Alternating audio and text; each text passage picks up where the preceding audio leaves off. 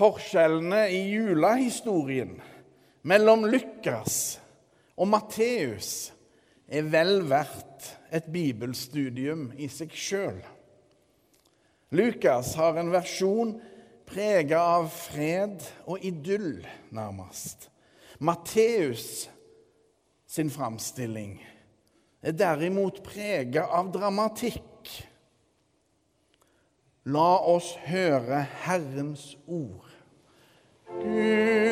Være lovet. Halleluja, halleluja, halleluja. Det er så skrevet i evangeliet etter Matteus.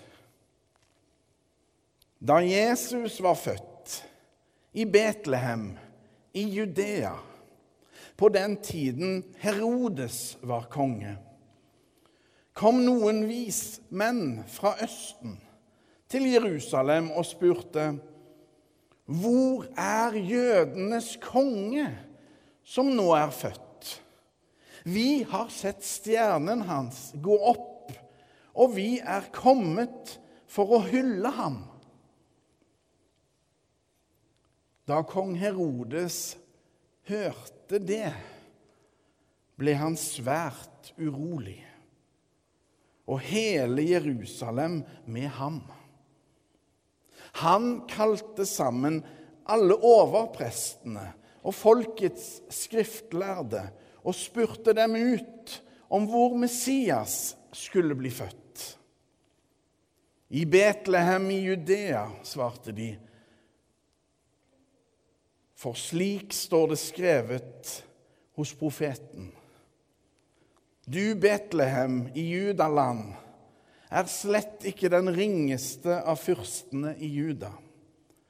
For fra deg skal det komme en fyrste som skal være hyrde for mitt folk Israel. Da kalte Herodes vismennene til seg i all stillhet og spurte dem nøye ut om tiden da stjernen hadde vist seg. Så sendte han dem til Betlehem og sa, Dra av sted og forhør dere nøye om barnet. Og når dere har funnet det, så meld fra til meg, for at også jeg kan komme og hylle det. Da de hadde hørt kongens ord, dro de av sted. Og se, stjernen som de hadde sett gå opp, gikk foran dem, inntil den ble stående over stedet der barnet var. Da de så stjernen, ble de fylt av jublende glede. De gikk inn i huset og fikk se barnet hos moren Maria. Og de falt på kne og hyllet ham. Så åpnet de skrinene sine og bar fram gaver til barnet. Gull, røkelse og myrra. Men i en drøm ble de varslet om at de ikke måtte vende tilbake til Herodes, og de tok en annen vei hjem til sitt land. Slik lyder det hellige evangelium. Gud være lovet. Halleluja, halleluja, halleluja. Vær så god. Hvis teknikken er på vår side nå, så skal vi se en liten filmsnutt om kong Herodes fra filmen 'Jesus fra Nasaret'.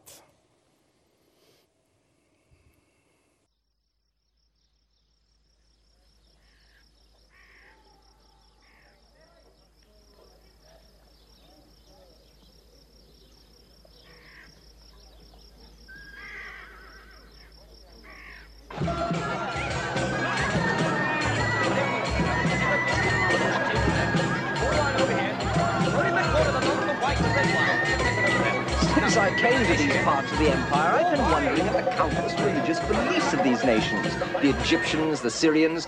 King Herod, uh, to revert to the Jews, I wonder, is it because, as you say, they identify future with past that they have so many prophets? Oh, the prophets, it's the sun which breeds them.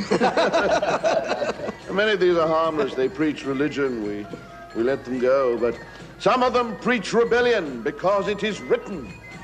Altogether, literacy has had a disastrous effect in this country. And those we eliminate.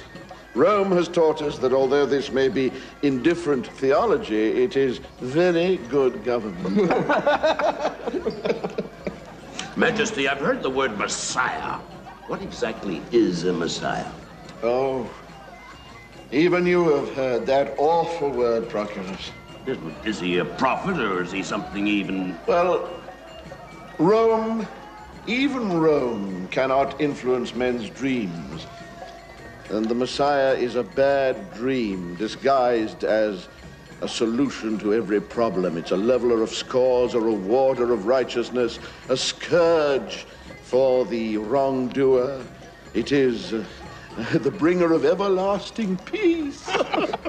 That is, I understand from what you have said, a Messiah is worse than a prophet uh, from the Roman point of view. Oh, from the Jewish viewpoint, too. Only you try telling that to the Jews. no, don't, don't. It's much wiser not to consult them just when a Messiah appears. Crush it underfoot like a young scorpion. now you can tell great Augustus that he can rest in peace in Rome. There will be no messiahs, true or false, in Palestine while I am alive. Rå makt. Rå makt har et grimt ansikt.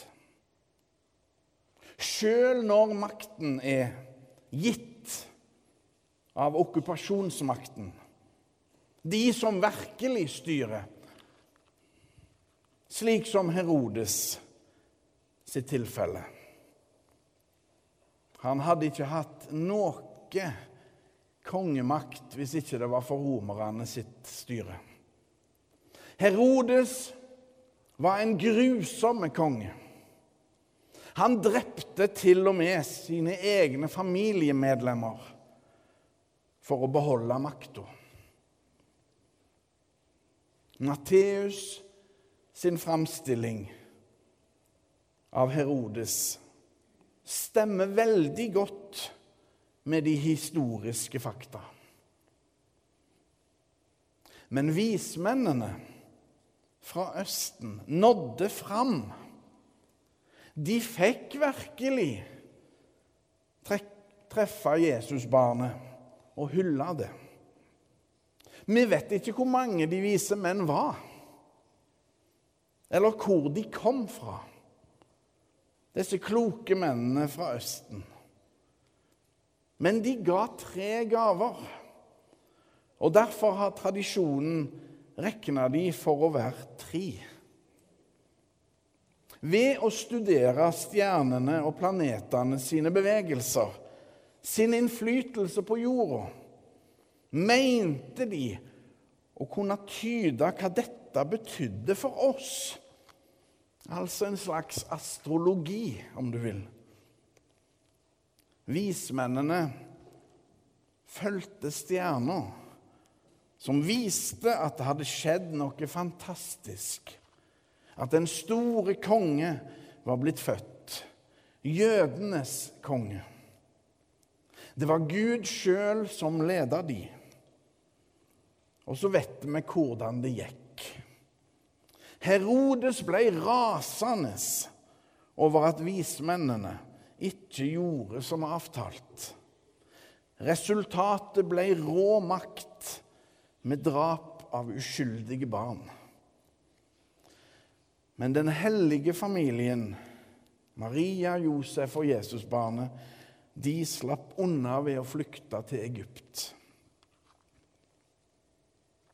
Noen tror fremdeles at det er mulig å tvinge mennesker til å tro, eller ikke å tro. Og Derfor må mange mennesker leve med frykt den dag i dag. Taliban-styret i Afghanistan er et grelt eksempel på dette, der særlig kvinnene får unngjelde. Det er virkelig hjerteskjærende. Så det er nok av makter og myndigheter som tenker som Herodes. Ufrihet og tvang er resultatet. Det er nok av de som fremdeles vil drepe Jesusbarnet og troen på Han, både i bokstavelig og overført betydning.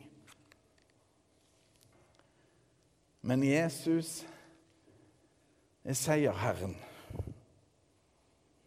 Ingen kan begrense Guds kjærlighet.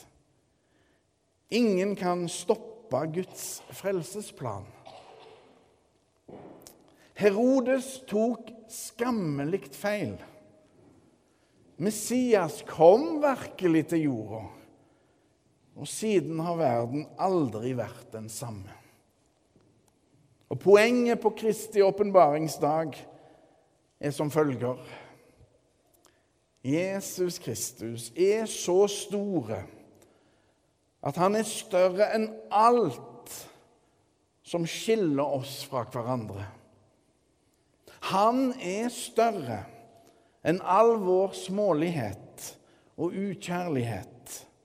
Han er større enn vår egoisme. Jesus kom for å vise verden Guds kjærlige ansikt.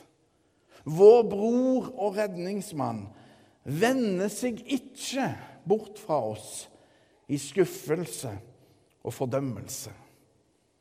Nei, Jesus ser på oss med et åpent og vennlig ansikt, der vi kjenner oss sjøl og våre medmennesker igjen, uten bebreidelse eller hardhet, men med mildhet, romslighet og overbærenhet. Kort sagt kjærlighet. De vise menn var ikke visere enn at de gikk feil. De trodde at den nye kongen var født på slottet. Men med litt hjelp fant disse fremmede virkelig det de søkte like i nærheten, i fattige, enkle kår i Betlehem. Typisk Gud. Typisk Gud å være så jordnær. Når nå Gud har blitt en av oss, betyr det at vi bærer Jesus med oss i all respekt og ydmykhet. Han er Guds sønn, og alt håp vi eier, vår frelser. Alle mennesker trenger Han. Og i dag har dåpsbarnet Matteo vist oss alle hva troen på Jesus betyr i praksis. Troens gave er helt gratis og gjelder både små og store. Vi er alle like viktige for Gud.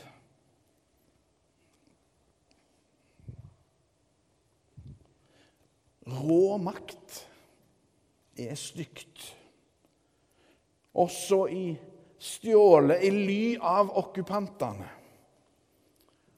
Og Her ser dere en herlig karikaturtegning av Ragnar Blix. Ragnvald Blix. Han drog til Sverige. Han rømte til Sverige for å fortsette sitt arbeid som avistegner under navnet Stig Høek.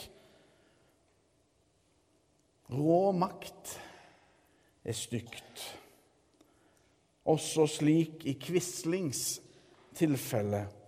Det er vel et av de få norske navn som i dag rett og slett betyr forræder. Og denne her tegningen taler sitt tydelige språk. Og Allerede i 1944 var dette blitt et begrep. I audiens hos Hitler. 'Jeg er Quisling', så svarer Hitler. 'Og navnet?'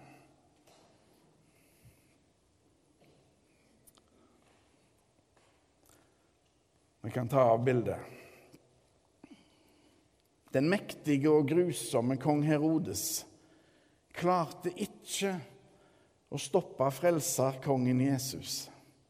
Det er det ingen som klarer. Og ikke engang døden var sterke nok til å holde Jesus i sitt fangenskap. Seierherren Jesus går alltid via menneskehjertene, ifra den enkelte til den enkelte. Skjønt fra sjel til sjel det lød, synger vi i salmen. Jesus kommer ydmyk til oss og berører de fineste strengene i våre liv. Jesus kom stille til verden, og slik skal òg troen på Han deles respektfullt videre med nye. Jesus Kristus er ekte. Jesus er helt konge.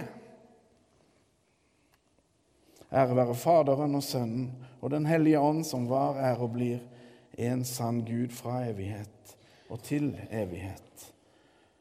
Amen.